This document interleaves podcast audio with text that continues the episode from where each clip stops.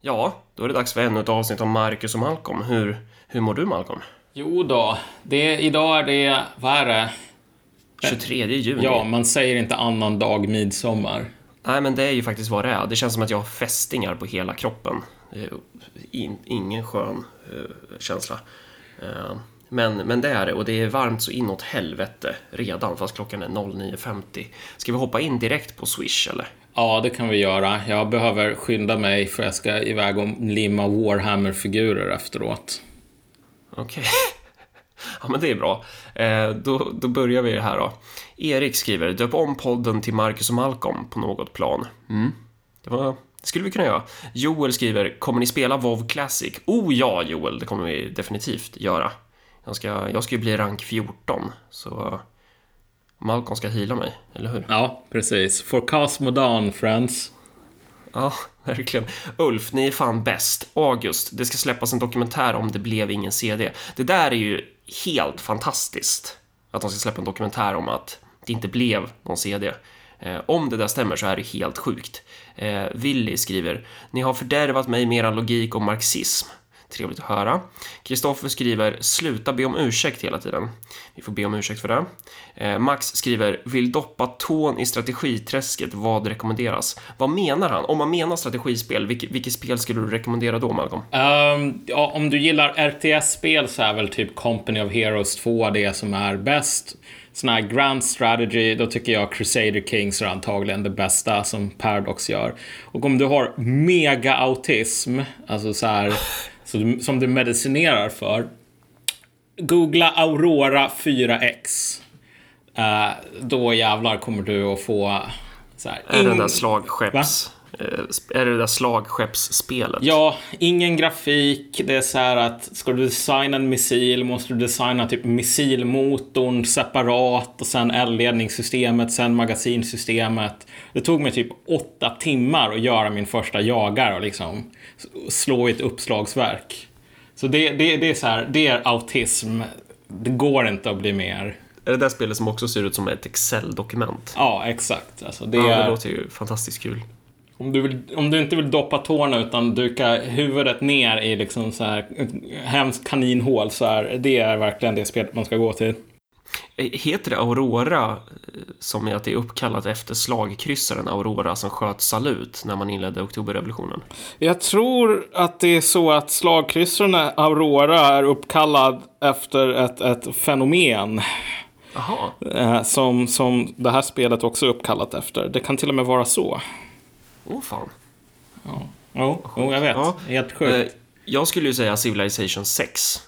Ja, det skulle du säga. Och det är helt okej okay också. Och sen Dominions 5 kan jag också rekommendera. Uh, uh.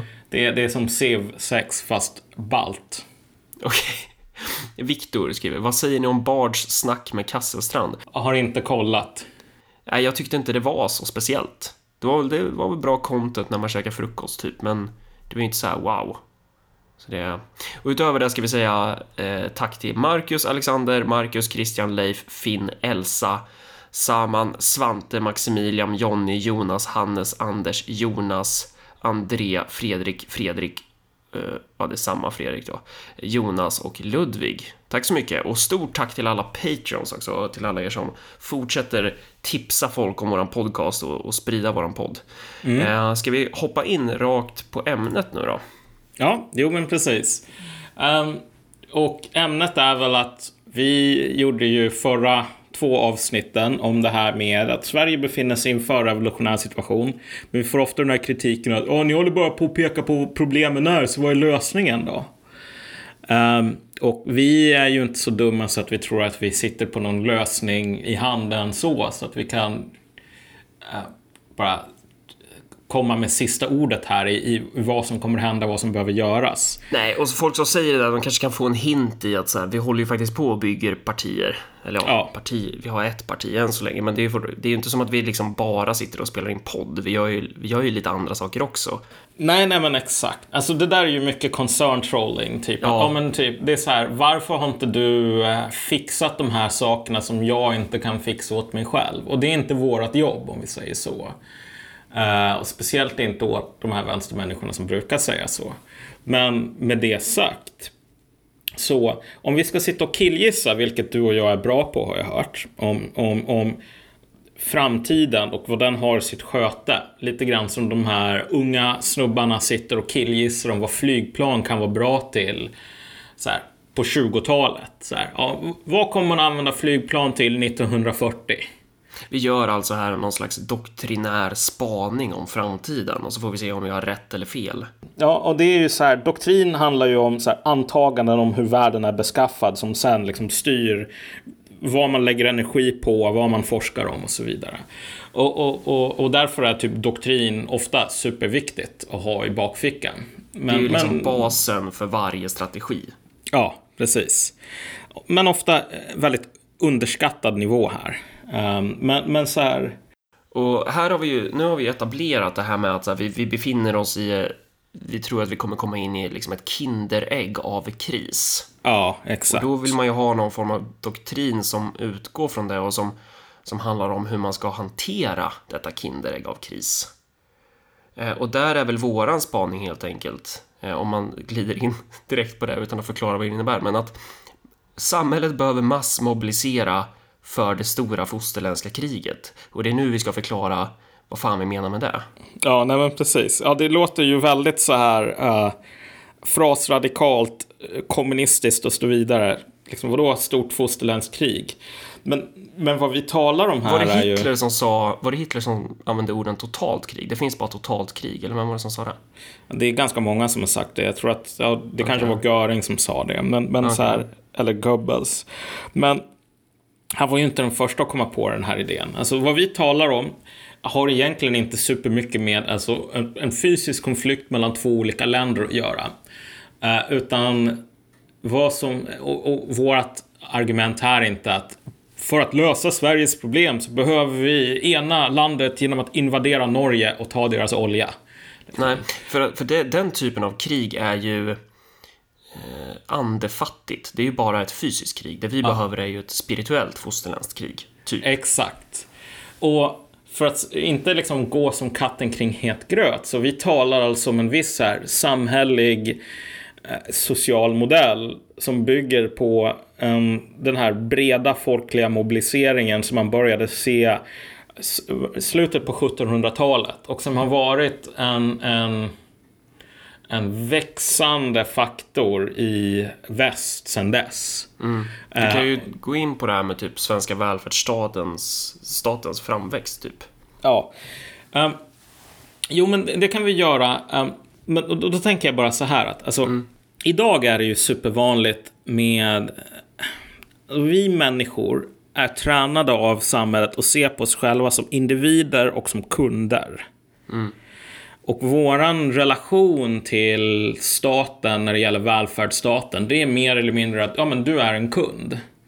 Det är som att du är en kund hos Telia eller vad det nu kan vara. Det är så här, du betalar så och så mycket pengar och sen om du inte får den service som du känner att du är värd, då ringer du till kundtjänsten eller så liksom går du och röstar för att du, du är sur på det här.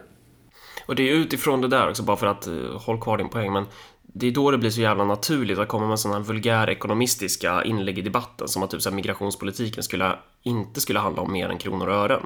Alltså man, man bara pratar om politiken är bara kronor och ören, man kan inte förstå något annat. Men ja, fortsätt. Ja, nej, men, men, men, kronor och ören är egentligen det enda språket som liberalismen har. Och liberalismen Exakt. utgår som sagt från isolerade individer som mm. agerar i sina egna, alltså mer eller mindre egoistiska individuella intressen. Och kollektivet är uh, tyranniskt här. Ja, och, och alltså liberalismen åtminstone så som den artar sig idag i praktiken Sen ja. kan man ju ha en sån här diskussion, för det är många liberaler som bara åh nej, det där är inte liberalism. Men i praktiken så är det ju så det ser ut just nu i alla fall.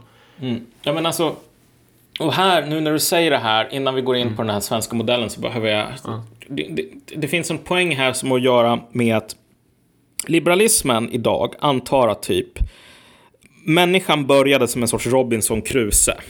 Um, vi började med att... Um, ja, men, det, ja, men verkligen.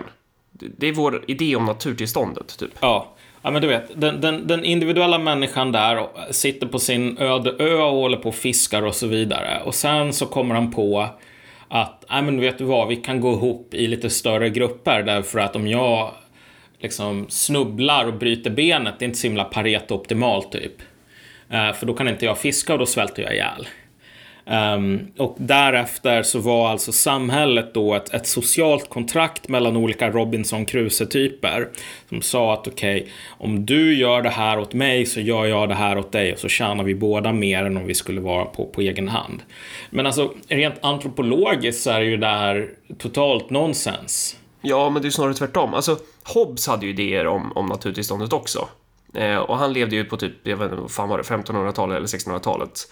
Eh, och han liksom levde ju i en jävligt trälig tid och var ju hardcore royalist. Och hans liksom lösning på allting, det är ju typ om man behöver en Leviathan, en skitstark stat som ska hålla de här människorna ifrån varandra. För att det han såg i sin omgivning var ju typ människor som bara slog ihjäl varandra. Och då drog han slutsatsen att hans historiespecifika era är typ så som människan är allmänhistoriskt, typ att människan är till naturen girig. Och idag, när vi ser på vårt samhälle idag, så, så ser ju inte vi hur liksom staten är en del av hela vårt liv, typ. Så vi tänker att individen är naturtillståndet. Och så ja. drar vi liksom allmänhistoriska slutsatser av vår historiespecifika samtid.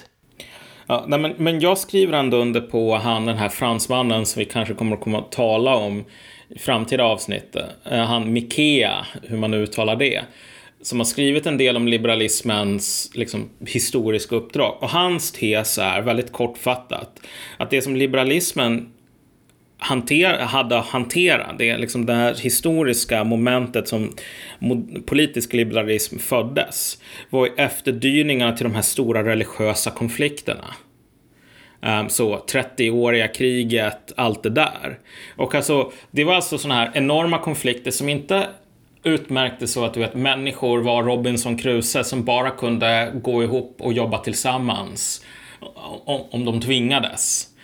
Eh, eller om de gjorde några så här frivilliga kontrakt med varandra. Utan det var snarare så här att här, okej, okay, du tycker så här om Gud, jag tycker så här. Och nu tänker vi hålla på och slåss tills alla människor som tycker annorlunda än våran grupp är döda.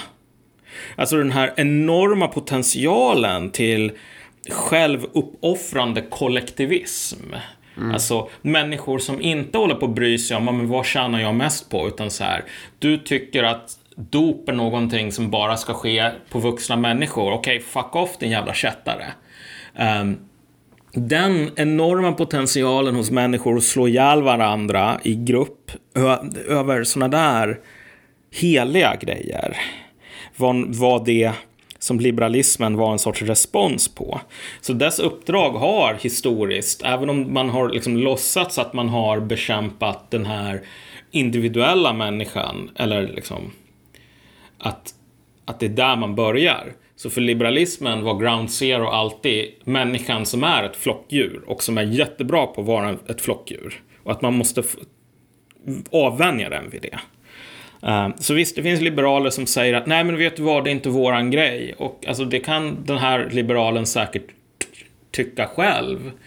Men ser man på den historiska utvecklingen så det här har varit ett projekt som har försökt att skruva ner människans kollektivistiska liksom, flockimpulser här. Mm. Men vi, vi, kan återkomma till den poängen senare, men så här, det som jag tänkte säga bara att anledningen till att vi tar upp det här med ja, men, kollektivism och kollektivismens framtid eh, går egentligen att spåra i utvecklingen. Alltså de, de, de kriserna för välfärdssamhället i Sverige idag, välfärdsstaten som nu liksom inte har nog med finansiering för att klara sig särskilt många år till verkar det som, har ju, är ju sorts den, den, krisen går att förstå om man också ser till hur, och, hur välfärdsstaten och folkhemmet skapades. Därför att på Marx tid, så här 1900, efter 48 egentligen, 48 var ju den här stora revolutionen som folk verkligen trodde this is it, nu kommer nu, efter 48 så kommer vi att leva i den här socialistiska utopin mer eller mindre. Eh, och sen så 48 går åt helvete och så alla drar åt lite olika håll med hur, eh, hur man ska anpassa sig till att det inte blev någon CD. Eh, men ganska många håller ju på att syssla med såna här mutual aid societies, vilket är liksom en så här proto-välfärdsstat eh, byggd av arbetarna själva. Mm. Så om du jobbade i en gruva så var det så att du betalade kanske 10% av lönen eller ännu mer till någon kollektiv kassa som, som administrerades av andra gruvarbetare valda på demokratisk väg, jada jada. Ehm, och om du eh, ramlade i den här gruvan och bröt båda benen, okej, okay, men då fixade ehm, det här kollektivet fram en läkare. Om du dog, då fixade de en begravning och någon form av liksom, pension då till din änka så att hon inte hamnar på gatan och behövde tigga mat åt dina barn. Och det här var verkligen enligt principen en för alla, alla för en. Alltså det fanns ingen, ingen person på den tiden hade någon rättighet gentemot det här samhället som inte hade också en, en lika stor skyldighet. Du kunde inte glida med. Du kan ju inte vara med i någon solidarisk kassa om, om du inte jobbar. Mm. Det, det, är ju ingen som kommer liksom backa upp dig då, utan det där förutsätter jag en för alla, alla för en. Alla sliter som fan. Och sen ifall någon tyvärr faller ner från den där 150 meter långa stegen efter sitt 12 timmars arbetspass upp ur det där jävla gruvhelvetet, då, då kan man hjälpa hans familj, typ. Mm. Exakt. Alltså nolltolerans för parasiter. Och den mm. alltså, det här är inte bara en fråga om att så här, arbetare är fascistiska till skillnad från dagens upplysta medelklass från Södertörn som har förstått att så här, det är okej okay att vara en parasit för att alltså, det är typ fascism och inte gillar dem. Alltså, du hade inte stora nog marginaler Nej, precis. Om du har personer, om du har en person som flyter ovanpå, då faller alla. Man har inte råd med den där jävla parasitismen. Det handlar om överlevnad. Nej, exakt. Så det var en för alla, alla för en som gällde. Och det här är någonting som, alltså, sett till arbetarklasskultur de senaste 200 åren. Um, att inte vara en parasit är en av de mest centrala bitarna här i, i liksom den, den, den, moraliska, det moraliska universum som, som arbetarklassen har levt i. Av, återigen av materiella skäl, därför att man, man, man, man har inte råd med dessa parasiter. Eh, och alternativet då blir att om man tolererar dem, då slår parasiterna sönder det här eh, eh kollektivistiska systemen som är det enda som gör att du, om du råkar ut för en olycka, inte dör automatiskt i princip. Därför att du har ändå råd med en läkartid och en begravning och allt det där. Um, och saken är bara den att så, så det här var någonting som fanns på liksom Marx tid 65, 1865 säger vi. Och han tyckte ju att de var ganska bra, men samtidigt att alltså, i, du vet, i ett kapitalistiskt system så kan inte det här räcka, utan det här kommer bara vara ett plåster på såret ungefär. Vilket till en ganska stor del stämmer. Samtidigt så var det ju så att en 20-30 år efter hans död så började ju socialdemokratin verkligen nå liksom parlamentariska demokratiska framgångar i väst. Mm.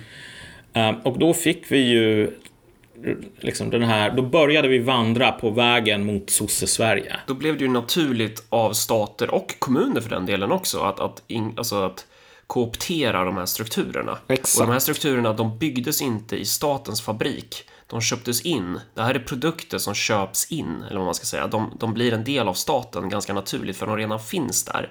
Och sen, men de blir ju också bättre och mer effektiva och så vidare, såklart. Nej men precis, jag menar typ det, det, det fanns a-kassor långt innan det fanns alltså välfärdsstater. Uh, men, men de här a-kassorna hade ju uh, problemet som alla så här små försäkringar har. Att alltså, det finns stora skalfördelar att vinna på att generalisera de här och sprida riskerna till en så stor pool som möjligt.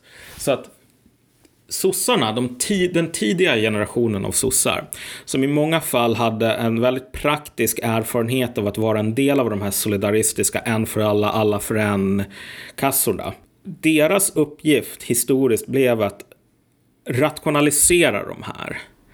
I början, när man rationaliserade den här solidaristiska modellen, använde ju sig fortfarande av arbetarklassen så att säga. Man hade arbetarklassens perspektiv här, socialt, kulturellt, moraliskt. Tron fanns kvar. Det fanns en tro och det var liksom, du ska inte, du ska inte flyta ovanpå det. Där följde med även fast strukturerna gick in i staten så att Ja. säga. Alltså, folkhemmet handlade inte om att bygga en... ehm, och folkhemmet var ju också någonting som man inte kom på själv, utan som man approprierade från högern.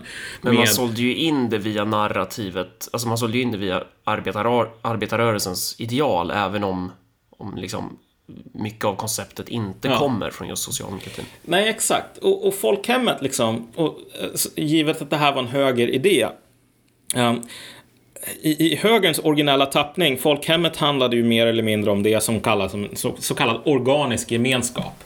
Det vill säga om du tänker dig en familj. Premissen för en familj är inte så här när typ mamma frågar dig om du kan typ räcka över smöret.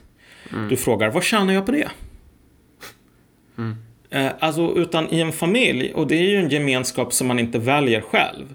Men om inte någonting har gått riktigt allvarligt fel, då är det så att alltså, det finns en, en, en arbetsdelning och en solidaritet Ja.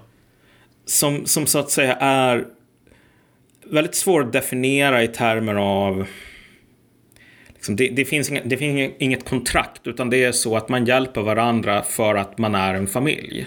ja, det finns ju en kompromisslös kärlek också. Ja. Bör finnas. På något sätt.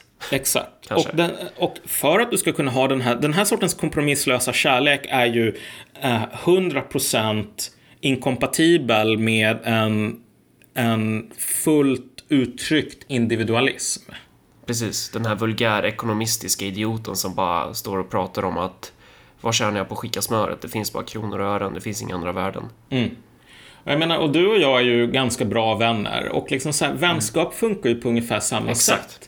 Det är inte som om du, om jag skulle ringa dig klockan tre på natten och, säga, och ha, behöva prata om något jävla problem som jag har. Att du skulle hålla på och sitta och fundera på, men vänta lite nu. Är det så att Malcolm får ut mer av den här relationen än jag? Jag måste fan ta fram mitt Excel-spreadsheet så här. För nu blir jag väckt klockan tre på morgonen.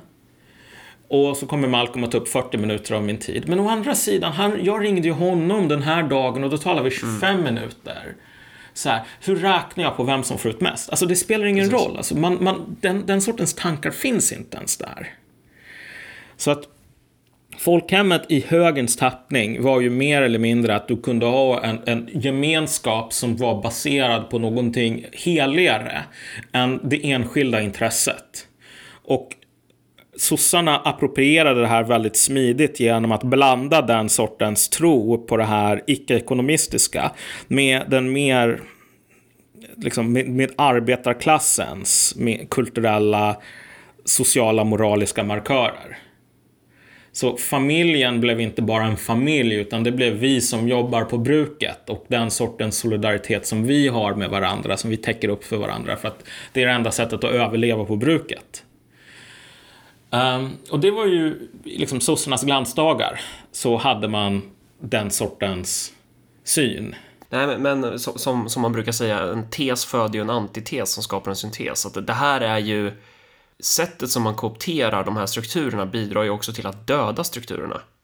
Alltså, det är ju genom att staten tar över välfärdsstrukturerna som de här strukturerna blir mycket mer opersonligare.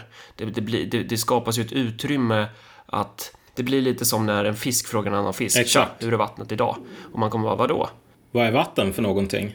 Exakt, vad är vatten? För staten blir så självklar, den börjar inbegripa i alla svenskars liv. Och det här var ju någonting som, som våra förfäder, alltså de här strukturerna, man, man, man stred ju till sig det här. Alltså folk dog ju för fan i den här kampen liksom, för, att, för att skapa allt det, det överflöd som vi har i Sverige idag, som har gjort vårt land så jävla starkt. Men vi har inte den relationen till det idag. Den här relationen har dött. Vi har glömt bort allt blod, all svett, alla tårar som, Ja. som liksom har, har, har fällts i, i- kampen för att skapa det här.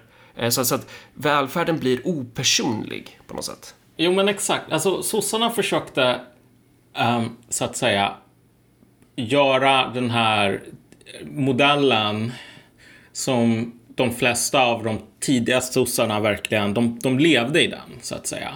Och det var deras enda livlina i det liksom gamla fattiga stata-Sverige på något plan.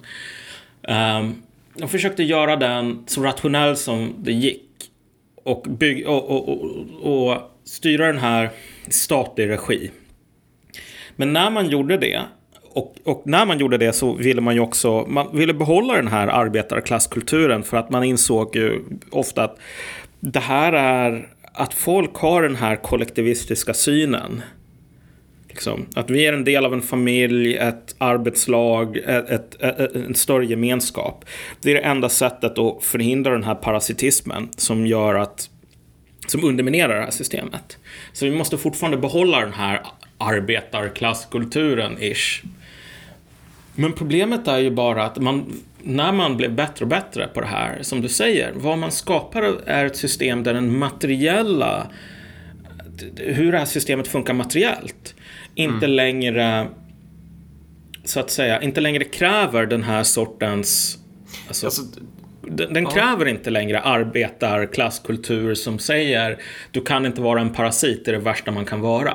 Exakt, för att det stora systemet maskerar när det blir en imbalans. Ja, alltså exakt. om du är 100 pers i en a-kassa, då är, det, då är det väldigt tydligt att se är rättigheterna, ligger de i, i optimal vikt kontra skyldigheterna? Men när det blir väldigt, väldigt stort, då möjliggör det ju också för att att mer och mer saker kan döljas. Då kan du se så här, då kan du inte längre se huruvida rättigheter och skyldigheter väger lika ja. tungt. Jo, så. det här är ju en sorts historisk dialektik som jag skulle säga ja. är mer eller mindre oundviklig. Att när du gör välfärdsstaten så bra som den kan vara så bakar mm. du samtidigt in fröet för dess egen undergång. Därför att du gör den här sortens kultur och liksom sociala teknologi som krävs. Någonting som systemet inte längre producerar inifrån. Mm. Utan du, du kan ha de här Folkets hus där man försöker tvinga på folk den här sortens gamla arbetarkultur mer eller mindre. Men, men, men basen och basen stöder inte längre den här sortens överbyggnad. Och om du, om du tänker dig relationen mellan en vanlig svensk och liksom välfärdssystemet idag. Det är inte en relation som bygger på den här sortens kollektivism. Det är inte en relation där parasitism är någonting som så att säga um, du, måste, du blir av med på grund av att det är, du dör om du inte blir av med den. Nej, idag är ju du en kund. Du är en kund, exakt. Ja, förlåt, nu avbröt jag dig.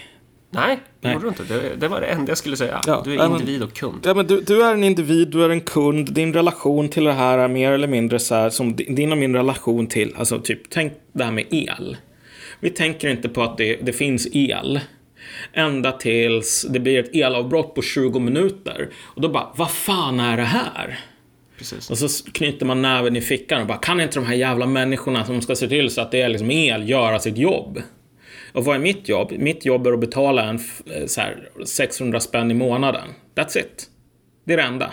Och om inte jag får uh, den elen som jag är värd, ja, men då får jag byta leverantör. För här har ju någonting intressant skett med den svenska välfärdsstatens framväxt. Att, eh, Sverige är ju också det landet som är mest, eller vi tillhör ju de länder som är mest individualiserade i hela världen. Mm. Och det har vi mycket att tacka just den här stenhårda kollektivismen för att, att det, just det här stenhårda kollektivet möjliggör ju en stark stat som i sin tur möjliggör eh, individers, alltså konceptet individen, att du överhuvudtaget inte blir grupp, alltså rånbögmördad av närmsta klan, typ. Mm. utan du kan du är skyddad på något sätt. Du kan vara individ, men man kan ju bara vara individ under beskydd av en stark stat. Men det är ju idag, i dagens samhälle som vi då gör misstaget att tro att den här historiskt specifika konstruktionen individ i själva verket är det allmänhistoriska är liksom det här är människans naturtillstånd, typ, att ja. vi alltid har varit individer. Och då skapas ju utifrån just den här idén om individen så skapas ju den här dikotomin då att staten är dålig, typ. För att, för att vi liksom, vi är alienerade från staten och vi är också alienerade från varandra. Det är ju det som har blivit följden av allt det här. Vi är liksom isolerade individer. Vi är bara kunder och har ingen relation till någonting egentligen. Ja, och, och för vissa lyssnare kanske det är otydligt varför vi gick in på den här historiska genomgången av sossarnas ja. dialektik här. Men, men, men jag tror att om man funderar någon sekund på varför det här är relevant så tror jag att skepnaden här blir tydlig. För vårt argument är ju att de här sortens strukturer som så att säga gör individualismen möjlig och naturlig vilket är att det alltid finns el i eluttaget och det enda du behöver göra om det blir strömavbrott det är bara lyfta på luren och säga hallå, jag som kund är väldigt missnöjd. Och det som du får svar då på andra sidan luren kommer inte vara, ja men vet du vad, vad är, din jävla, vad är ditt jävla ansvar här för att se till att det funkar? Utan det är bara, ja vi ber så himla mycket om ursäkt, så här, kundservice ska eh, vidarebefordra det här. Grejen är bara att när den här sortens välfärds och liksom starka stat som vi har i Sverige dukar under under sina egna motsättningar.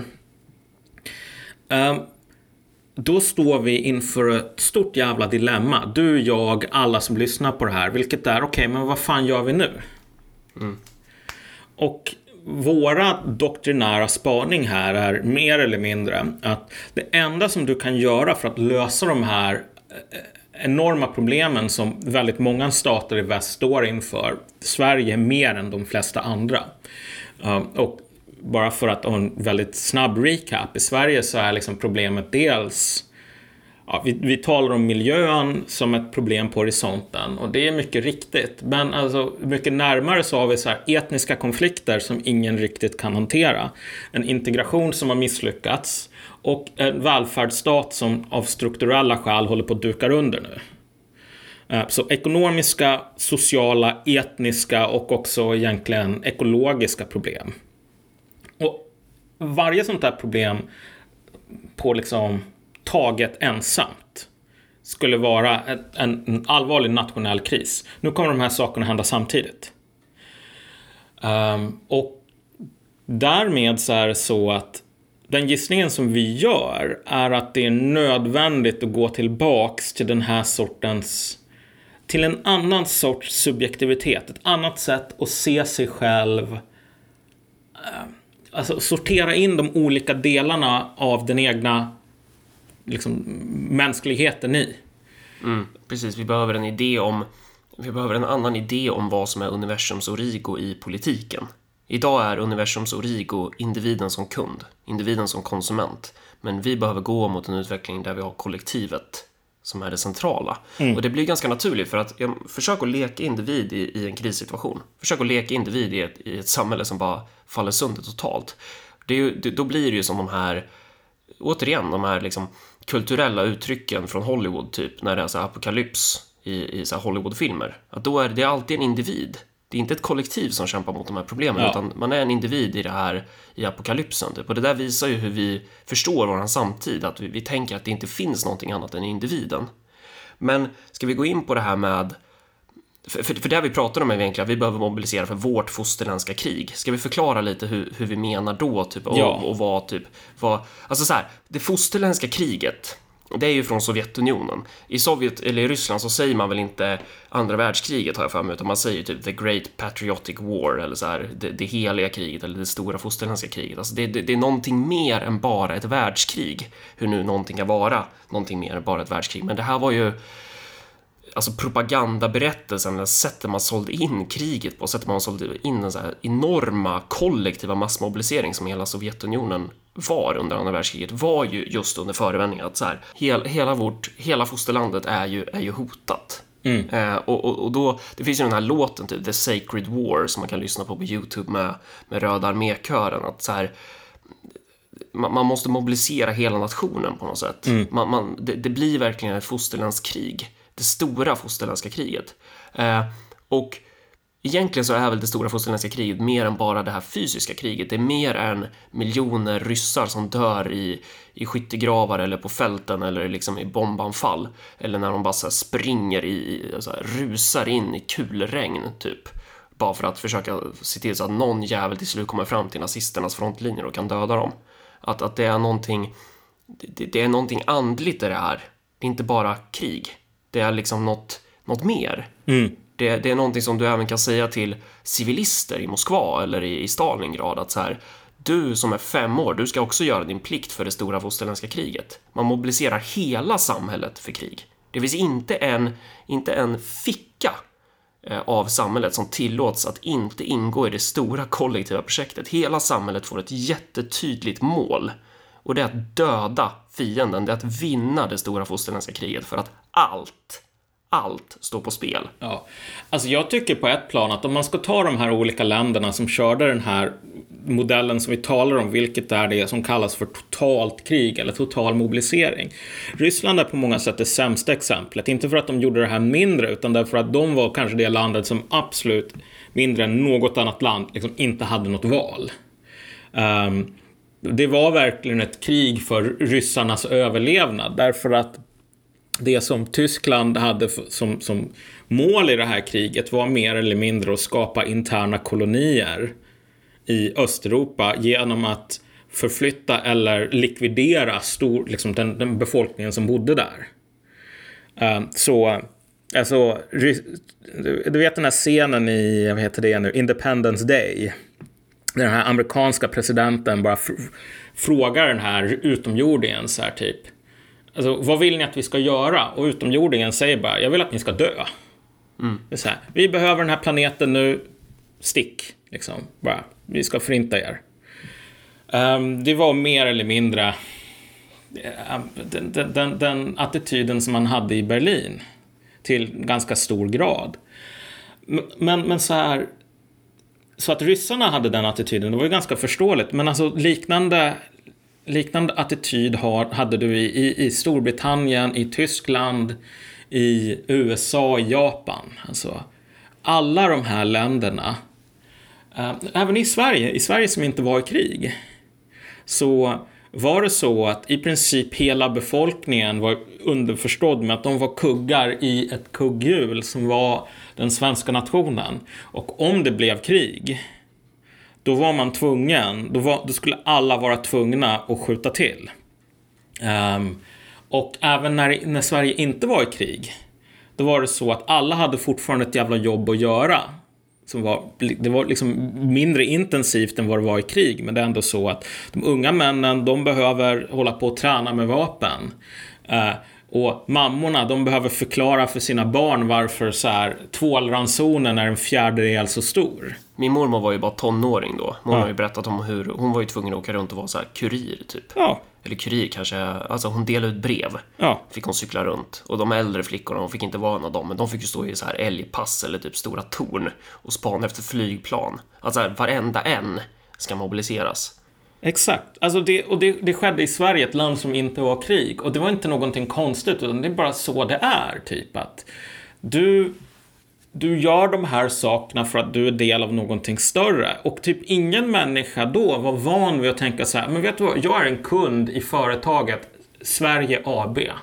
Mm. Får jag verkligen typ nog med aktieutdelning här på mitt innehav? Ja. Eller bara säga, jag vill inte göra värnplikt. Det är jobbigt. Ja. Slut, så här, jag är fri individ. Alltså du ser ganska många såna här um, debattartiklar från typ Center och liksom Centerns ungdomsförbund, Liberalernas ungdomsförbund och då kör de ju verkligen det här att kolla. Mm. Alltså, jag, formatet för de här debattartiklarna är typ så här. Jag har suttit och funderat på det här hur länge som helst, men jag kan verkligen inte förstå alltså, hur värnplikt är tänkt att funka.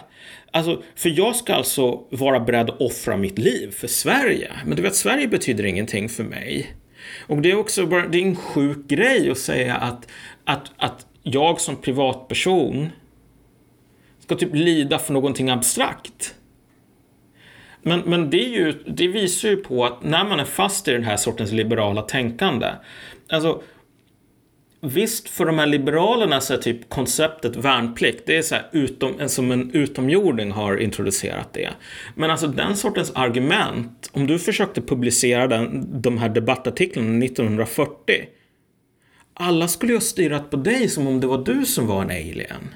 Jag försöker säga det där i London, när så här nazisternas bombningar bara som står spö i backen, och bara allting bara sprängs. Och det står så här bankirer sida vid sida av tiggare och bara så här gräver ut andra engelsmän ur rasmassorna.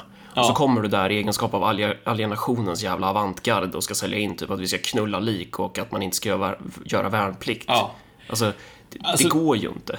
Ja, det är bra att du tar upp det här med England, för jag tycker att alltså, vi kan göra ett tankeexperiment här för att verkligen visa alltså, vart Sverige idag är och hur långt ifrån det är från det naturliga, om vi säger så. Alltså, du vet, efter så terrorattacken i, i Stockholm så var det ju många som försökte eh, komma med de här argumenten om att ah, men det är inte så farligt ändå. Mm. Och jag tror det var Johan Norberg som, som introducerade badkarsliberalismen till Sverige. För, för hans argument var ju så här att det är jävligt mycket farligare och typ ha ett badkar hemma för du kan halka i badkaret och slå i huvudet och krossa skallen. Uh, och det är en större risk för dig att göra det än um, att dö en terrorattack. Ja. Och, alltså, och, och, många argument var, var, ju liksom olika variationer på det där. Men alltså syntaxen i de här argumenten var i slutändan att säga att kolla. Visst, vi erkänner att det finns terrorattacker och att de här terrorattackerna kanske har någonting med invandringen att göra. Men kolla. I, I världen för typ 200 år sedan, då var det så att ingen hade någon utbildning. Tänderna föll ur när man var så 25 år. Fick man tandlossning för att vi hade inga tandläkare. Uh, folk slog ihjäl varandra liksom över fyllegräl och så vidare. Men, och, och, vi har statistik på det här, Marcus. Vi har statistik som visar att dödligheten, även med terrorattacker inberäknat, uh, Eh, är mycket lägre idag än den var för 100 år sedan, 200 år sedan. Så alltså, tänk dig att du är en rationell individ som vill leva så länge som möjligt, Marcus. Skulle du vilja leva i Sverige med terrorattacker eller Sverige på 1800-talet utan terrorattacker? Det är ingen, det är ingen contest. Det var argumentet man körde. Alltså ett argument utifrån att så här, för dig som individ så är det fortfarande Pareto-optimalt att, att stå ut med det här därför att typ kronor och ören och livslängd och nativitet och så vidare, alltså vetenskapen är enig. Men tänk mm. dig då att du tog det här berömda talet av Winston Churchill där att vi kommer att slåss på stränderna och vi kommer att slåss i städerna. We shall fight on the beaches, we shall fight on the landing grounds in the air. We will mm. never surrender. Eller något sånt där. Ja, och, och, och, Churchill säger alltså till sin egna befolkning att jag kommer inte här för att lova er att det där är inte så farligt. Utan vad ni ska vara beredda på, det är blod, svett och tårar. Ni är inte beredda att blöda för England och svettas för England och gråta för England och Englands söner och döttrar. Uh, ni är värdelösa jävla kax. Dra åt helvete. Mm. Och sen börjar Aces High. Ja. Men du vet, alltså, tänk dig Tänk dig om, om Churchill hade varit Johan Norberg. Alltså hur groteskt det hade varit. Då skulle det varit så här att, kolla. Okej okay att tyskarna håller på och bombar. Vet du hur hög barndödligheten var? På 1500-talets England, mina vänner. Det är så här, okej okay att de här äh, Messerschmitts-planet släpper de här bomberna så att så här, varje dag så dör det tio engelska skolflickor. Men du vet, vi har en mycket bättre tandvård än vad vi hade då, så liksom på det hela taget så är det här fortfarande du som lyckomaximerande individ. Mm. Så här, ibland så händer ett världskrig med liksom industriella metoder och flygbombningar och så vidare. Men om du får lägga flygbombningar i en pott och sen så får du lägga så här modern medicin i den andra. Så alltså flygbombningar är bättre. Så du och jag har ingenting att klaga över därför att vi lever i den bästa av alla världar. Alltså det skulle ju vara groteskt, det vore ju sjukt. Alltså någonting perverst i ett sådant argument. Mm. Um, och det skulle inte ha varit någonting som imponerade på folk, utan folk skulle säga att du verkar ju vara någon form av psykopat. Men det är just det att alltså, ingen på den tiden talade på det sättet som vi talar när det gäller de här stora samhälleliga problemen. På den tiden sa man det här är en kollektiv utmaning. Ni kommer att behöva blöda, svettas och gråta för att vi ska lösa den. Och det där har ju hänt tidigare också. Dels hände det ju i Japan under krigen. Ja. De var ju väldigt sådär. Eh, men USA var väl också så, typ att så här, om inte du, om du inte kommer i tid, om du inte typ eh, det finns väl så här affischer typ med att du, du ska låta grannarna åka i din bil till jobbet för att spara bränslen, annars vinner Hitler. Ja. Alltså du, du bidrar till, till eh, vad ska man krigsinsatsen på alla plan. Ingen fick, det, det finns ingen civil ficka här. Utan det är allt, allt i krig. Det är totalt jävla krig. Ja. Alltså det finns affischer på så här glada hemmafruar som står med så här syltburkar som de har gjort sylt i. Mm. Och alltså att göra sylt är en del av din, din skyldighet som medbor amerikansk medborgare. Därför att om du gör sylt och konserverar grönsaker då blir det typ mindre slöseri. Och det betyder att vi kan ha hårdare ransonering vilket betyder att vi har mer resurser till kriget. Så att allting, allt från att samåka till att göra fucking sylt. Mm. eh, lades fram i de här kollektivistiska termerna. Och du vet, det var inte massor med galna kommunister, utan det var typ eh, eh, konservativa amerikaner, republikaner, demokrater. Alla de var ju överens. Kejsardummets jävla Japan. Det, det är ju... Ja. Ska vi gå in på det där med Frankrike eller ska vi hoppa på den? Det där Löfven-mass. Vi har väl... Ja, vi kan ju ta bara, alltså för, för originalet här i, i, i den här sortens massmobilisering i västerlandet de senaste 500 åren är ju alltså den här massmobiliseringen i Frankrike. Vilket, när var det då? Vilket århundrade? Eller Det var ju år? slutet på 1700-talet. Ja, Eh, första revolutionen det vill säga. Ja. Och, och saken är bara den att, alltså, över, löst översatt till svenska, så lyder det här dekretet som man kom då med om att den här massmobiliseringen skulle äga rum. Och att från och med nu till den tiden som alla Republi- Frankrikes fiender, interna och externa, har blivit besegrade, så är varje fransk medborg- medborgare i permanent rekvisition till militären. Så att de unga männen ska slåss. De gifta männen med, som är föräldrar, de ska smida vapen och transportera förnödenheter. Kvinnorna ska sy tält och uniformer och tjänstgöra i våra sjukhus. Ehm, barnen ska ta så här lump och göra det till tyg. Ehm, de, de äldre männen, de gamlingarna, pensionärerna, ska varje dag gå ner till torget och så ska de predika hat mot kejsare och tyranner och en kärlek till republiken och till Frankrike och på så vis inspirera en kämpar kampviljan i, i fransmännens hjärta. Så, så poängen var att oavsett vem du var, hög eller låg, rik eller fattig, man eller kvinna, barn, ung eller gammal, du skulle göra det som du kunde göra. Det var det som krävdes av dig. Um, och det här, är ju, det här var en sån explosiv, så att säga, en social teknologi. Uh, att, alltså, vissa hade ju nosat på det där lite grann innan. Men alltså inget annat land i Europa på den tiden um, hade tänkt att det där var någonting som var möjligt att säga till det egna samhället. Utan alltså krig, det var typ du hade de här kungarna som, som administrerade multietniska områden som en sorts familjeföretag. Och så var det så att man hade liksom eh, subcontractors eh, och vad heter det, legosoldater. Och så håller man på att slåss mot andra familjeföretag och så utkämpar man ett par strider. Och så sätter man sig ner med sin kusin som är alltså kungen i, i, i landet som man just har slagits mot. Och säger, ja vet du vad kusin, jag vann en fem av åtta slagfält. Så vi, det är väl jag som har vunnit det här kriget. Och så säger din kusin, ja det är det väl. Så jag kan ge dig eh, Schleisen hälften av det. Men jag vill behålla den här biten och så vill jag ha den här eh, biten där det bor polacker på i utbyte. Och så säger du, ja vet du vad kusin, det här låter som en bra deal. Alltså den, den sortens modell var inte en modell där det var naturligt att tänka att jag kan använda 100% av min befolkning i ett kollektivt projekt. Den ideologin är för svag för att mobilisera. För att, för att de här människorna, de är bara statister. De blir inte subjekt. Du kan inte väcka den här elden i de här människorna.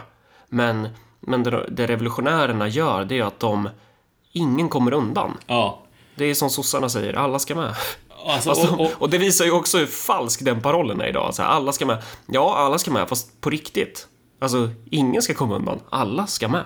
Och det roliga är ju bara att, alltså, en, en till sak som man kan säga om det här är ju att det här var en sån explosiv idé. Det spred sig som en jävla cancer på ett plan. Um, och fick så här oöverblickbara konsekvenser för, för hela världen i princip. Därför att ehm, för det första, det här ledde till att eh, Frankrike kunde gå Super Saiyan som i Dragon Ball och bara utkämpa krig efter krig mot hela resten av Europa i så här roterande koalitioner. Och typ spöa alla, så här konstant. Man, Även om de andra motståndarna toppar sina lag med så här legoknektar och grejer så hade Frankrike fortfarande Ja. in the long run större potential just eftersom de delvis då hade Ja. den här tron, typ. Man kunde verkligen massmobilisera hela nationen. Ja, och, och så, så det var liksom Frankrike mot resten av Europa och Frankrike vann ända fram till mer eller mindre Napoleon bestämmer sig för att invadera Ryssland och då går allting åt helvete. Uh, men i de här områdena som man ockuperade, typ Italien, så spred sig de här idéerna till italienarna själva. Och sen så får du alltså de här upproren mot, mot, Österrike som då har mer eller mindre alltså, kontrollerat stora delar av Italien liksom, i olika liksom, klientstater. Och då när du har de här nationalistiska upproren, då är det så att, bara för att ta ett exempel på den här enorma solidariteten som finns. I Milan som är den liksom första staden som lyckas med sitt uppror mot österrikarna. Då är det så att de här barrikaderna som folk bygger är de lyxigaste barrikaderna som folk någonsin har byggt. Så att du, du, du går igenom någon så här tvärgata och så ser du något så här stort piano, någon så här juvelbeprydd um, sån här droska. Som liksom, och så är det massor med superdyra möbler som har um, staplats runt det här. Så den här barrikaden kostar typ, är liksom ovärderlig i princip. Men, men det är för att så här, bönder, uh, arbetare, uh, liksom så här, tjänstemän och adelsmän bara, vet du vad, vi är fan italienare, nu ska vi kasta ut de här jävla österrikarna. Så liksom solidariteten ja, betyder... är så, så att och det betyder mycket mer ja. än de här kronor och ören då, som ja. den här barrikaden kostar. Ja, de här adelsmännen bara säger, vet du vad, här, använd mitt stora piano. Bara. Ja. Självmant. Det är inte så att alltså, eh, de här fattiga går in och bara rånar folk, utan det är liksom alla bidrar. Ja. Men med risk för att jinxa, det, det var klart, de hade ju någon form av klassintresse i det där också kanske då. Ja, men visst, alltså men, men, men den här gemensamma, så att säga, nationalistiska glöden, liksom, den här massmobiliseringen var så kraftig så att man kunde stå där sida vid sida. Sen, du vet, när man vann, då kom ju de här klasskonflikterna tillbaks på fem sekunder. Men, men, men den här liksom levé en mass-tänkandet och den här sortens tänkande som låg bakom det när det väl började sprida sig så spred det sig extremt snabbt över hela Europa och sen också till liksom stora delar av resten av världen. Den här liksom nationalistiska idén. Men då känns det som att vi har etablerat typ vad vi menar med det här då. Uh, och och det, dit vi vill komma är väl någonstans att i ett läge då samhället inträder i total jävla kris så behöver vi också mobilisera för total jävla kris. Ja. Uh, och, och den personen som inte fattar att så här, konflikten står mellan den här typen av massmobiliserande kollektivism kontra kunden, eh, liksom den alienerande individen. Den personen som inte förstår att konflikten står däremellan, den personen kommer typ vara irrelevant. Och det här är någonting som skär igenom, återigen, skär igenom höger-vänster-skalan fullständigt. Det spelar ingen roll om du är höger eller vänster, så här, ställ dig i ledet för det stora kollektivet. Ja. Um, annars, annars kommer du ju gå under, tror vi. Exakt, alltså den här kalla kriget-kartan. Alltså för det var ju på grund av kalla kriget mer eller mindre som den här mimen om att, um, du vet, det finns egentligen, det finns en vänster och en höger och vänstern den är för kollektivism och högern är för individens frihet. Uh, det var där den föddes och det, det är en sån bullshit på ett plan som, som har noll att göra med den historiska högern som är en grej som är en, en produkt av 1900-talet. Inte ens hela 1900-talet, för 1940 då var det så att högern var de som var på ett plan liksom mest brutala i det här med att lyx är fienden, ditt jobb är att vara kugge i, i kugghjulet här. Och den har ju noll att göra med den historiska vänstern också. Om vi ska titta på typ Lenin så står det och förklarar att den som inte arbetar ska inte heller äta. Det står väl till och med i kommunistiska manifestet tror jag, att det här var ju en central del, var inte en jävla parasit. Vi ska förklara krig mot parasiterna, de ska bort. Början av, innan andra världskrigets slut och egentligen så här, kanske 50-talet när kalla kriget började rulla igång på allvar. Innan det, då var det totalt okontroversiellt om att det fanns ett sätt att se på människan och se på ett samhälle och det var den här Winston Churchill, du vet. När England blir bombarderat då är det så att alla ska hjälpa till. Den som inte hjälper till är någon form av samhällsfarlig anarkist som borde låsas in så att dess farliga idéer inte smittar andra. Och här kommer vi också in på, för att den här diskussionen med typ så här, Ivar Arpi som skrev något om att nej, men, migrationen är mer än bara kronor och ören och så blir det så här ramaskri, den här liksom vulgärekonomistiska ideologin. Alltså den, den, spin, den partiernas politik dryper av den, deras doktriner dryper av den. Eh, det är så här, de, deras typ av, deras idé om en fungerande ideologi, typ, om, om, en, om en bra politik, det är typ att den kommer med med fred på jorden eller mer pengar i plånboken. Den, den kommer med luften om guld och gröna skogar. Men, men den fungerande ideologin, den, den, den effektiva politiken, den kommer ju med svärd. Den kommer ju med konflikt. Ja. Den kommer med uppoffring och lidande. Det, det är den som får dig att liksom kuta genom kulregnet på Normandies stränder för att du vet att du är du är en del av någonting mycket, mycket större. Det berättar varför du slåss. Den, mm. den sätter dig i ett sammanhang. Du är inte en alienerad individ. Du är inte bara någon så här sketen undersköterska eller någon jävla sketen läkare eller någonting. Du är en soldat. Du är en soldat i samhällets tjänst. Mm. Och det är liksom utifrån det här, utifrån att berätta vad, vad det är man kämpar för så berättar man ju också på något sätt vad det är man älskar vad det är som betyder någonting och vad det är som är värt att dö för. Det är ju det som är en fungerande politik och en fungerande ideologi. Men det vi har idag, det där fattiga, det där pissiga, det där platta, det plastiga. Det är bara det här, ja du får, du får en, eh, ett jobbskatteavdrag. Så här, rösta på oss så får du lite sänkt skatt. Vad, vad är det för skit? Ja. Det vi behöver är ju så här, med oss så får du blod, svett och tårar och en mening med livet. Det är där du ska få. Ja, och, och den här konflikten skär verkligen mellan både högern och vänstern. Så den här kalla kriget-kompassen som de flesta använder sig av. Alltså jag tänker på, jag tänker på hela den här, du vet, åh, krossa socialismen och, och jag har ju ganska många följare som, som, som idag är den här sortens höger som bara, ja vet du vad, nu har jag köpt den här biografin om hur hemsk Lenin är och liksom alla miljarder som han dödade. Så att, du vet, och det här kommer att ge mig spirituell, liksom, vägledning i kampen mot typ SVT och mot sossarna och mot massinvandringen och bara så här. Ja, det är så jävla, det är så tragiskt alltså. Alltså, det, det, det, det, det här, du bekräftar bara det Marx tes att alltså de här generationerna av döda tynger på de levandes hjärnor som en mara. Alltså för att mm. att tro att du kan vifta med ditt krucifix och, och bara The power of Christ compels you till spöket av Lenin som liksom i Exorcisten. Och sen så kommer du att lösa de konflikter som finns idag. Du vet, Lenin, mm. han ligger i sitt mausoleum, han bryr sig inte ett jota om äh, konflikterna i Sverige. Hans tid är över. Men det där är ju ett intressant, alltså, intressant exempel det här med kommunismen och dess sammanbrott. Alltså vad, vad är det egentligen vi har lärt oss ja. av det? Eh, för att det, det, var ju typ, i skolan så fick, ju, så fick vi frågan inför klassen så här, bara, ja men vad har vi lärt oss av kalla kriget då?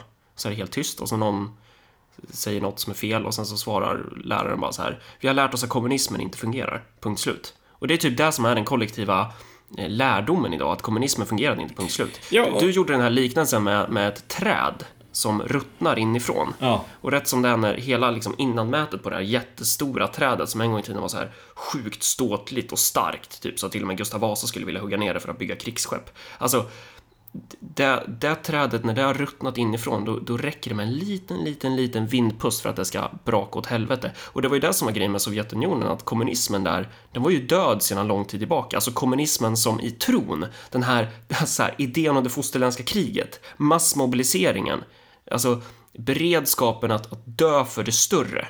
Det som en gång i tiden bar fram revolutionen och hela skiten typ. Det var ju borta för länge sedan. Mm. Det hade ruttnat inifrån. Och då tänker man så här att, nej men det är bara kommunistiska träd som kan ruttna inifrån, eller det är bara ryska träd som kan ruttna inifrån. Man har inte dragit lärdomen att även svenska träd kan ruttna inifrån. För det är träd, alltså system som sådana, kan falla sönder. Jo, och det, det är i slutändan, det är inte ryssarnas fel att det svenska trädet ruttnar inifrån, så hålla på och typ och klaga över döda ryssar och deras hemskhet, det hjälper dig inte att hantera problemen som står framför ögonen här och nu. Men poängen är ju bara att alltså, högern den håller på att köpa in biografier om så här Mao Zedong och hans hemskhet. För att liksom, det vet man hur man attackerar. vänstern håller på att tala om nazister som om typ nazister på något plan var relevant överhuvudtaget idag. Uh, vilket, alltså sorry, du kan hålla på att studera Adolf Hitlers liv och leverne i, i hundratusen år. Det kommer inte att hjälpa dig att besegra Viktor Orbán eller Matteo Salvini. Så här, Hitler har också rört sig vidare från äh, äh, denna jord. Och var han nu än befinner sig så tror jag att han tänker att, vet du vad, det här är inte mitt jävla problem längre. Mm. Det är så här, varför håller du, Ung Vänster, på, håller på och pratar om mig? Du vet, så här, mm. Jag har andra saker för mig nu. Um, så att den här, både högern och vänstern idag, för att täcka upp för sina egna, alltså hur obsolet den här politiska kompassen har blivit, så attackerar de sina gamla fiender från hundra år tillbaks. För att det är det enda man vet hur man ska göra. Men alltså, jag ska säga att den centrala poängen här som man måste förstå om man har politiska ambitioner, det är att det här strukturella kravet och gå från en kundfokuserad politik till en gemenskapsfokuserad politik kommer att vara den primära konfliktlinjen, alltså den, den stora skiljelinjen mellan de som är vänner och de som är fiender för att låna från Carl Schmitt. Och om inte du ställer om din kompass till att inte handla om vem är det som har högerestetik och vem är det som har vänsterestetik. För jag är höger och därför är högerestetikerna mina vänner. Om inte du gör den omställningen, eh, då kommer den här mot, politiska motsättningen, den kommer att förinta dig. Den kommer att slita sönder det partiet som du har. Den kommer att slita sönder de vänskaper du har och den kommer att totalt omöjliggöra alla försök till någon sorts respons. Så om du inte anpassar dig till att att sättet att välja vänner och fiender börjar gå från kalla krigets um, liksom kalkyl här till 2020 och 2030-talets kalkyl som inte handlar om Sovjet mot USA utan kollektivet mot kunden. Eh, då är du lost. Och du och jag är väl, vi har väl rört oss vidare där redan, skulle jag säga. Och vad innebär det i praktiken? För, för att det, det, vi är ute efter här, vår centrala poäng är att vi behöver skapa ett demos för att lösa kriser. För att det räcker, alltså det går ju inte att om hela ekonomin krackelerar och så har vi personer som bara, men jag, jag tänker inte vårda människor för att jag får inte tillräcklig lön. Eller jag tänker inte släcka bränder för jag får inte tillräcklig lön. Du måste börja bygga upp den här kollektivismen igen för att det är det enda sättet för, för Sverige att överleva om det blir total kris. Mm. Eh, och det är den där det är ju det som våran nuvarande ideologi på något sätt är motpolen till. Ja. Och den där, det, det, det är där vi behöver göra, vi behöver bekämpa den här liberalismen som genomsyrar, eller vad vi nu kallar den för något. Vissa personer skulle kalla det här för socialism, vilket ju är helt fel. Men den här cancern, ideologiska cancern som, som, som tynger Sverige, den behöver vi röka ut på något sätt. Vi behöver skära bort den. Men det är en till grej här. Och det är ju typ att det här går ju inte att göra om man inte börjar med sig själv. Exakt. Alltså, du, du kan ju inte ha en, en a-kassa. Om jag startar en a-kassa så ska jag typ ha mer privilegier eller rättigheter än någon annan i den organisationen. Mm. Eller att så här, vi ska försöka kämpa för solidaritet och så riktar vi bara in oss på bankirer. Man måste ju börja med sig själv och därefter sin, sin närmsta vän och därefter sin granne. Om din granne går, går på bidrag fast han inte ska göra det, han har inte rätt till att göra det, han fuskar. Mm. Då ska du slå din granne i ansiktet. Du mm. måste statuera exempel, du måste bygga den här solidariteten underifrån. För att du, du kan inte bekämpa ett krig mot de stora fiskarna om du inte, om du inte först kan få dina soldater att, att dö för det stora. Att veta att de är soldater. Och det där går ju också igen i organisationer. Alltså, att, att, att bygga den här idén om att du gör vad du kan hela tiden. Det finns ingen ficka för att undvika att göra vad du, vad, vad du kan för att bidra ja, till det stora hela. Exakt. Du ska in där, du ska kommentera bra sagt med K i kommentarsfältet. Du ska in där, du ska, du ska dela flygblad utan att få någon jävla lön för det. Och får du lön så ska du fan inte bli rik alltså, på det. Du och jag, våran, våran killgissning här är ju att statsindividualismens fundament här, de här strukturerna, de håller på att gå sönder på grund av att misskötsel mer eller mindre och de interna motsättningarna i de här systemen. Den in, jag fick den här frågan av en lyssnare till showen som jag käkade lunch med, så shoutouts. Uh, och av hennes syster då om, eh, eller kusin kanske till och med var. Men så här, vad ska man göra som privatperson idag, Malcolm? Och, och det var en, ja. liten, en fråga som, som jag satt och funderade på, men som jag inte kunde ge något superbra svar på då. Men jag tror att det är en fråga som är på ganska mångas läppar idag. Liksom. Vad kan jag göra? Ja, du ska ta värvning. Du ska ta värvning i det stora fosterländska kriget. Ja. Det är vad fan du ska göra. Och, du ska göra det lilla du kan. Och, och, det låter, idag så låter det abstrakt. Och det får vi väl ja. be om ursäkt för, även fast vi ska sluta be om ursäkt för saker. Men, men ja. man kan be om ursäkt för att det låter lite abstrakt. Men man kan försöka re, alltså, klargöra den här poängen genom att säga att just nu så befinner vi oss i ett Sverige där vi har lärt oss vara kunder och jag tror att det är ganska många som är nöjda med det där. Alltså för att det är inte så himla fel att vara kund. Då får, har man alla sina rättigheter garanterade och man behöver bara lyfta på luren när man inte får dem tillfredsställda och säger jag är missnöjd, kunden har alltid rätt. Och så ska någon sosse i Rosenbad säga ja, förlåt, förlåt. Men det där, om det där går sönder, då finns det egentligen tre olika alternativ för den enskilda individen här. Det första alternativet är att göra ingenting och hoppas att systemet rätar på sig av sig självt, vilket man kan göra om man vill, men då får man nog förbereda sig på um, då får man förbereda sig på det, värsta scenariot mer eller mindre. Att ingenting löser sig och att du, du svälter ihjäl som en individ. Därför ingen kommer att hjälpa dig. Och det, det, andra är mer eller mindre att, alltså, du vet, stå där med blåslampan och rikta blåslampan mot röven på närmsta sosse och säga, vet du vad, jag som kund har blivit sur nog för att jag tar den här blåslampan och påminner dig om alla rättigheter jag har. Och jag tror att det är det som många kommer att vända sig till i, i, i första läget. Men det är också dömt att misslyckas på grund av att alltså, sossarna kan inte hjälpa dig. Eh, de här problemen och svagheterna, det här trädet håller på att dö. Och rötan har gått så långt så att även om du försöker motverka den så kommer den att ta, ta del på de sista hälsosamma bitarna. Och det är ingenting som de här sossarna, hur mycket man än kan hata dem eller tycka att de är lata eller lögnare eller så vidare. Alltså de, de är inte alls mäktiga att rädda det här systemet från dess egna motsättningar är någonting som sossarna idag är för svaga för att göra. Och då ska vi inte ens tala om typ Moderaternas möjlighet att få det här landet på köl. Den är ju, den är ju ett skämt. Precis som Moderaterna är ett skämt som parti. Ehm, um, SD, bless their hearts, de kommer inte att lyckas med det heller. Så att man kan, man kan ju försöka vara en proaktiv kund och bara säga ja men jag kommer att, väsnas om inte jag får det jag får. Men du kommer inte, det kommer inte bli mycket bättre än att sitta hemma och göra ingenting. Och det tredje alternativet, och det är det alternativet som du vet din och min så att säga politiska doktrin bygger på här och det som vi kommer att försöka bygga och uppmuntra till. Det är mer eller mindre att du som privatperson du får, precis som du sa Marcus, man får ta värvning, man får bli en del av någonting större.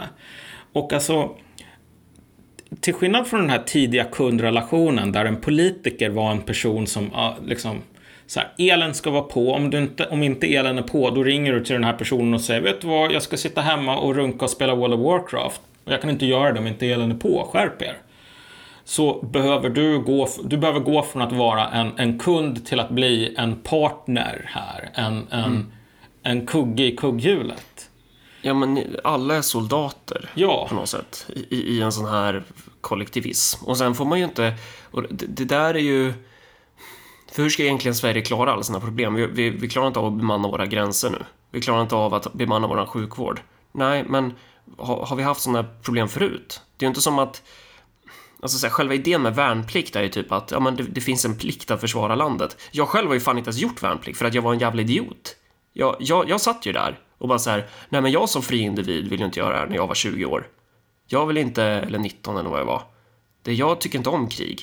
Krig är dåligt. Och då, då ska jag individuellt visa det genom min slags, jag ska inte konsumera värnplikt typ.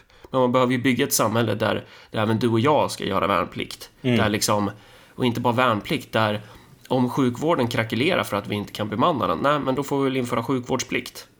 Då får vi väl införa någon jävla skolplikt även för personalen.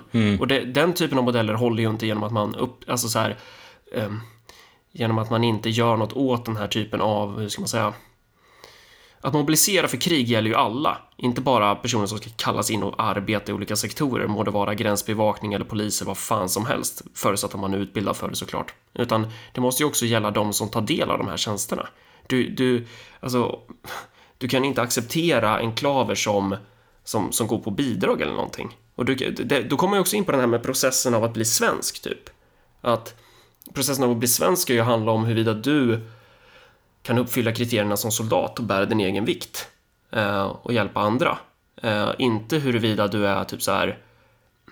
Du är ingen jävla kund här. Nej, exakt. Först- Men förstår jag vill man. spinna vidare lite grann på den här poängen mellan, alltså relationen mellan politikern och den enskilda medborgaren i det här framtida stora fosterländska kriget Sverige. Så här.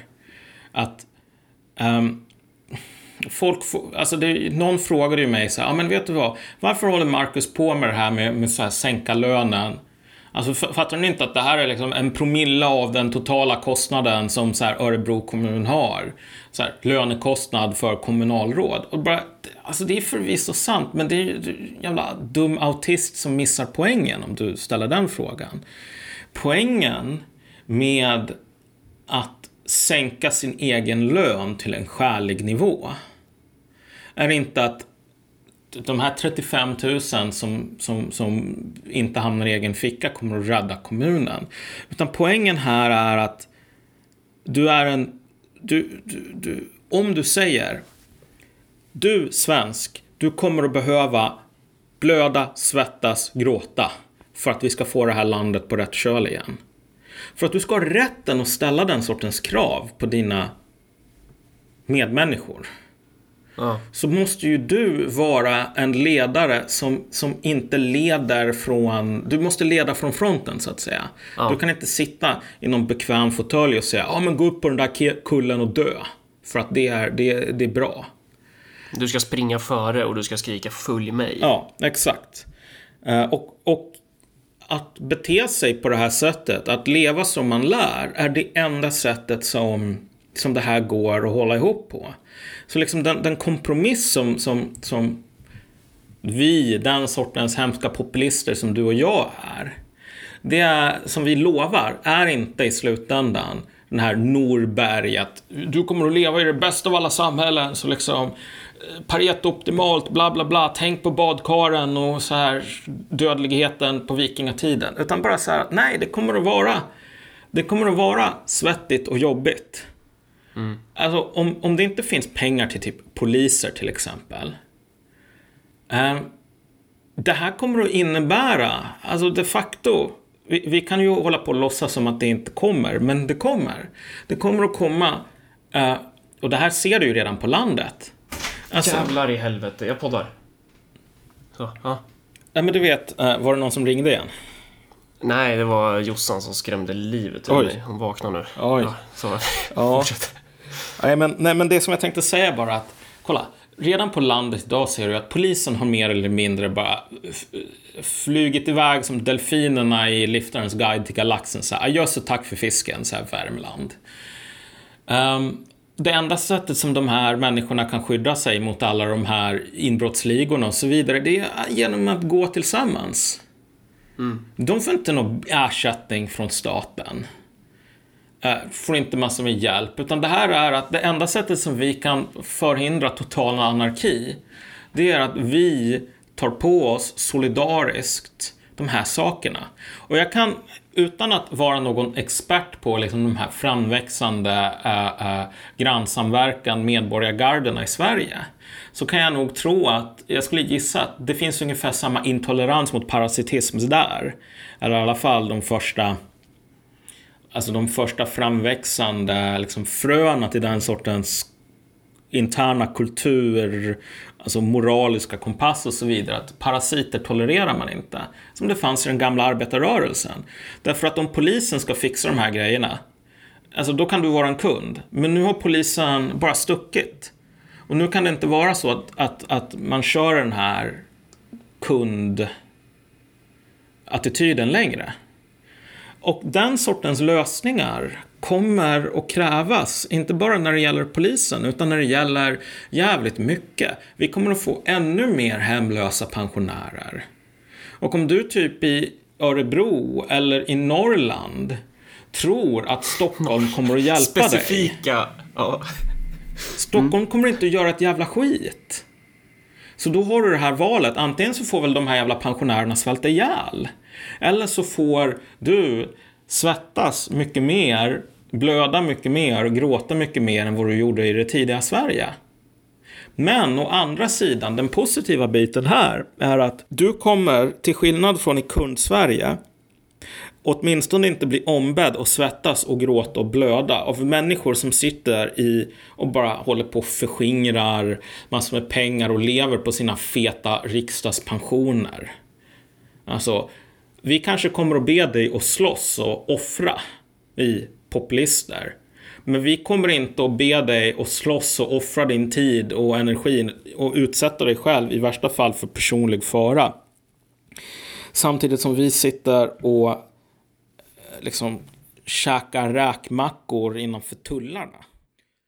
Alltså, så att på ett plan, jag får ofta den här, folk frågar mig varför jag är så himla apokalyptisk. Um, och det, det, det, är så här, det är en, en, förståelig fråga, men jag ser inte det här som en apokalyps i slutändan. Eh, det kommer att bli, alltså du vet, blitzen, de tyska bombräderna mot London var inte en apokalyps. Um, och många av dem som genomlevde det sa, jo visst det var hårt och det var svårt och eh, så här, min moster eller min syster alltså dukade under, dog i, i, i bombanfall. Men jag saknar ändå den tiden. Därför att det var en för alla, alla för en. Och det är just det här att om du går in och kollar på ja, men alltså på alla dessa eh, olika gömmor på internet som på Fortran och så vidare. Det som de här människorna har idag är så Visst, det är en snabb internetuppkoppling och så är en nästan oändligt utbud av porr och runka till. Men det är inte ett liv värdigt en människa. Det finns ingenting att, att vara en del av. Eh, och det är därför som vi har på ett materiellt plan. Eh, om vi tänker oss den här, vad heter det nu? Vad heter han? Eh, den här asiaten som skriver för Expressen. Patrik Lundberg. Patrik Lundberg, precis. Uh, jag vet inte om han är adopterad, men det spelar ingen roll. Alltså. Det, för det är inte det som är poängen. Utan han skriver väldigt okay. bra. Mm. Uh, han skrev den här grejen, Vem dödade min mamma? Om, ja men liksom bortglömda människor, ensamstående, hårt arbetande uh, liksom, mammor var tvungna att ta på sig uppgiften att vara förälder och typ jobba i vården. Fick bara skit egentligen. Och liksom dog, bortglömda, allt sånt där, ut, utslitna. Alltså grejen är bara så här att jag kan sympatisera med det här. Alltså att, alltså den här underförstådda anklagelsen om att typ sossarna hade ihjäl Patrik Lundbergs mamma på grund av att det sosse-Sverige som de byggde, det var inte alls lika rikt som eh, sossarna lovade. Men alltså, i kronor och ören så blir det där bara så himla löjligt på ett plan. Om du var en mamma på typ för 200 år sedan, det här har ju Norberg och gänget rätt om. Alltså du var ju tvungen att kallt räkna med att om du skulle leva till att du var 50 år gammal, då levde du igenom åtminstone en massiv period av svält. Och så här om du skulle ha en, en fyra barn som blir vuxna, ja men då är det kanske en tre barn till som dog innan de var två år gamla. Ehm, och, och så är det som den, den, här sortens fattigdom som Patrik Lundberg tar upp här från skuggsidan av sosse-Sverige. Det är liksom att man inte har råd att köpa äh, ny, man, man köper sina kläder begagnade och man har inte råd att åka på semester. Det här är ilandsproblem. Ja, men det här är ju kunden, återigen. Ja, alltså, men kunden. samtidigt så här. Och därmed, inte, därmed ska man inte förringa det, för att det, det som gör det kraftfullt är ju just det andliga det moraliska. Ja, det är exakt. där som, som, alltså, som styrkan ligger. Men, men det är ju inte det som folk tar till sig, utan det är så här... Ja, det är... Alltså de tänker att om jag det- bara hade råd att köpa nya jackor istället för att köpa dem på eh, Röda Korset, då skulle jag må så jävla mycket bättre. Vilket är en ganska löjlig grej att säga därför att så här, fattiga människor förut hade inte råd att köpa kläder överhuvudtaget. Så, här. så om du hade skor, då hade du tur. Dimensionen här är ju det mänskliga värdet. Att, att, att en person blir degraderad till bara en slit och slängvara. Det är ju det som är liksom styrkan i den typen av berättelse om, om hur man kämpar. Därmed inte sagt att så här, bara, ja, vi ska alla vara fattiga för who cares, typ. Självklart ska, ska, ska, ska alla ha rimliga löner och sådär, men det hänger ju ihop med Alltså det större värdet, att du är någonting mer än den här plastiga kunden, än den här isolerade individen. Exakt. Alltså, du vet den här... Den, en, jag gav ju dig, vad heter den, rysk arbetares memoarer, tror jag. Ja, Eh, och det finns ju... Jag kommer inte ihåg vad författaren till den heter, men alltså det finns en serie böcker som är en svensk arbetares memoarer, en rysk arbetares memoarer och sen en tysk också, tysk arbetares memoarer. Eh, rekommenderar dem starkt om man hittar dem på ett loppis eller någonting. Alltså jävligt extremt fascinerande böcker. Men du vet den här tyska arbetaren, alltså som var en 25 år eller någonting så här, när, när typ Hitler kom till makten. Alltså han kom, kom ju från en arbetarklassfamilj i Berlin. Och då är det alltså så här att en av hans systrar dör av alltså svält. Innan, innan hon dör, alltså hon finns ju med på någon sån här familjefoto. Det kommer typ en, en, en sån här kringresande fotograf. Och typ av någon anledning så får de ett foto gratis av honom. Han bjuder på det. Men alltså, när de ska ställa upp sig i sina finaste kläder som liksom är bara trasor. Så äh, då är ju Alltså fotografen är tvungen att låna ut ett par skor till den yngsta syrran så att hon inte ska stå barfota. Alltså så att du vet, man har inte skor. Och, då, och med det menar jag så här inte att du vet, inte den nyaste Air Jordans, utan den här familjen, arbetarklassfamiljen, är så att man har inte skor. Man har inte råd att köpa skor till barnen i familjen. De går barfota när de ska någonstans. Eller in med, med fötterna inlindade i trasor mer eller mindre. Så här, alltså den sortens fattigdom hade du alltså i början på eh, 1900-talet. Så här, Patrik Lundberg var aldrig med om någonting sådant, men, men men å andra sidan, precis som du säger, den här själlösa slit och släng liksom. Det, det är inte en lögn att vårt samhälle ser ut så. Det har bara blivit värre sen hans mamma dog. Om du är en ung man idag som bor i någon sån här avfolkningsort och du inte lyckas flytta därifrån. Du lyckas inte bli en av de här som Mona Sahlin eh, är så himla glad över. Alla de som pluggar hårt och liksom flyttar till de stora städerna. Alltså du är ju, du är ju den...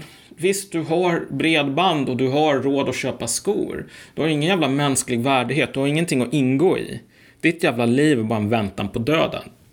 Så, så det här att den här krisen som vi går emot, visst, den kommer att tvinga fram massor med uppoffringar och svett och tårar. Men den kommer att låta människor andas igen. Också. Ja, alltså det, fin- det, det vet vi ju inte, men det finns ju en potential i det i Mm. alla fall. Det, det, det, det, gör ju kollektivismens renässans, kollektivismens återkomst blir ju um, aktuell. Det är ju det som är... Men, men sen är det också så här, man, man vill ju inte tappa det där sen. För det finns, i alla de här krigen så har man ju varit så här, ja men vi är alla engelsmän.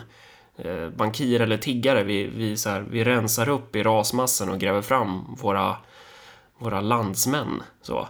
Men sen så tar kriget slut och sen så går den där bankiren går förbi den där Mm. tiggaren. Tittar inte ens åt hans håll, fast de är engelsmän.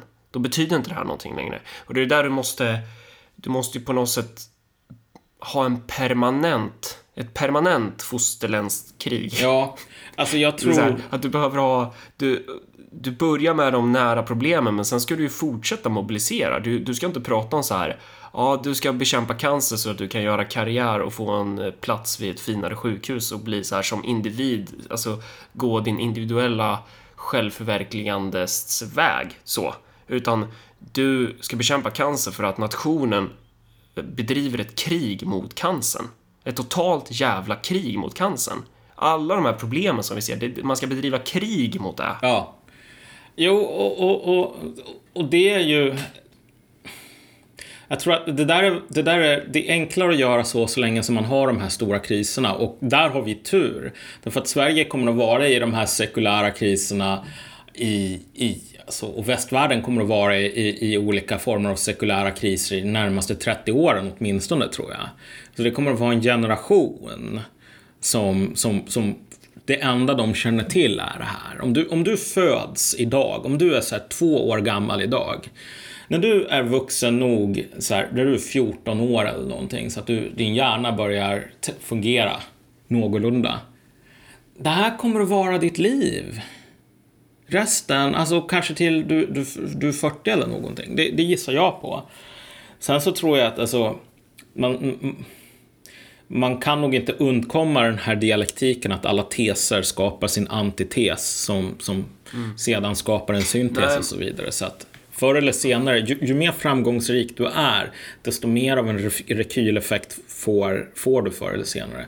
Men ditt jo, och mitt, men... kolla, ditt och mitt uppdrag ja. är inte att lösa alla problem för alla människor så att om 200 år, då kommer folk bara, vet du vad, Marcus och Malcolm, de fixar det här, så det enda vi behöver göra är att ligga på sock, liksom divanen och käka vindruvor. Så här, vad vi än gör så kommer det vara, om 100 år så kommer det finnas nya konflikter som människor kommer att ha sina stora patriotiska krig om på ett plan. Uh, men vi har vårat.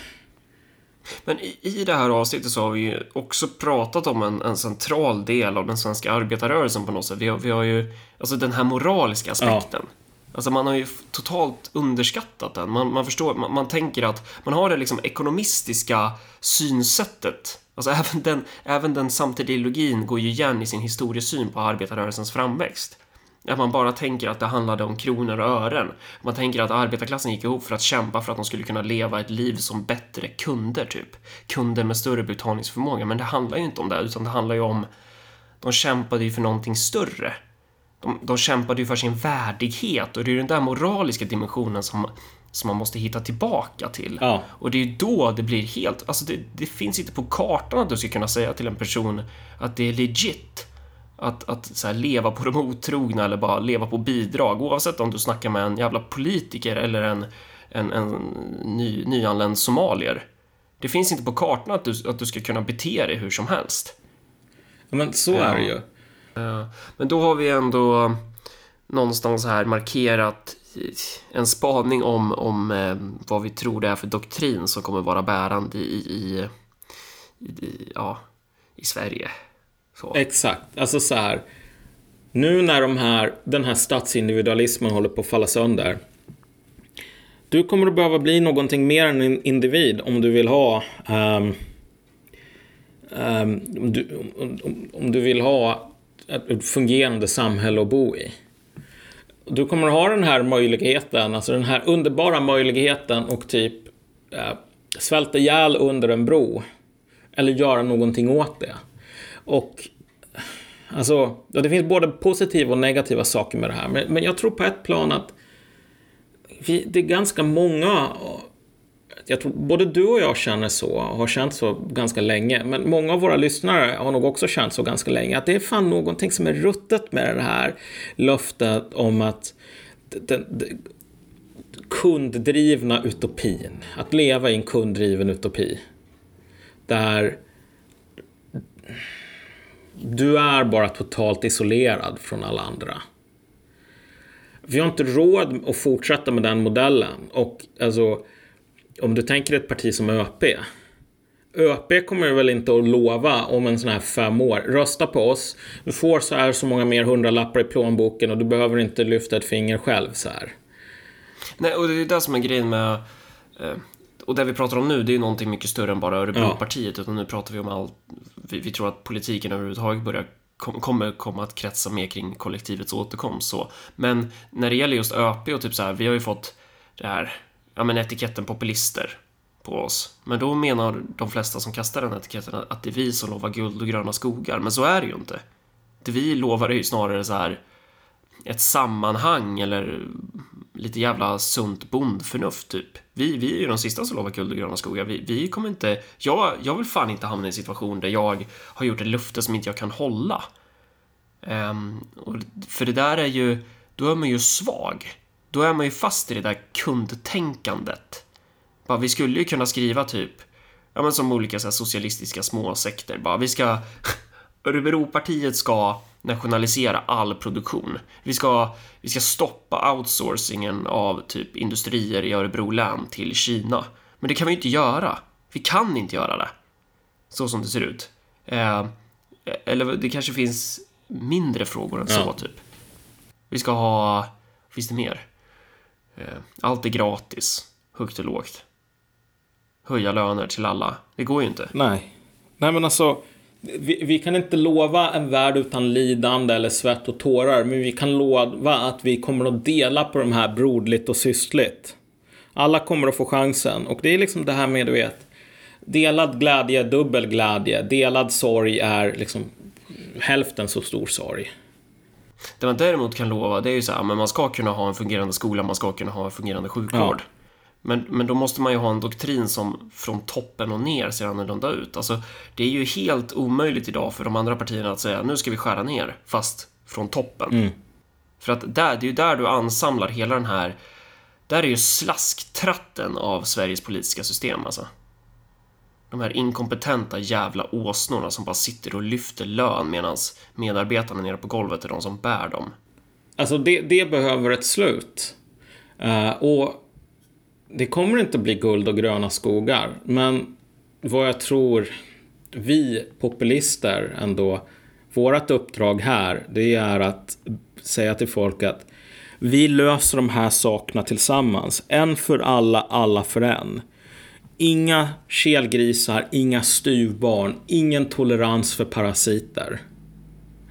Ehm, och om ni kommer över den här tröskeln som är att alltså, vi har alla lärt oss att vara kunder, men vi har inte lärt oss att vara medborgare, kamrater, delar i någonting större. Men om man kommer över den här första rädslan, alltså då är det inte omöjligt.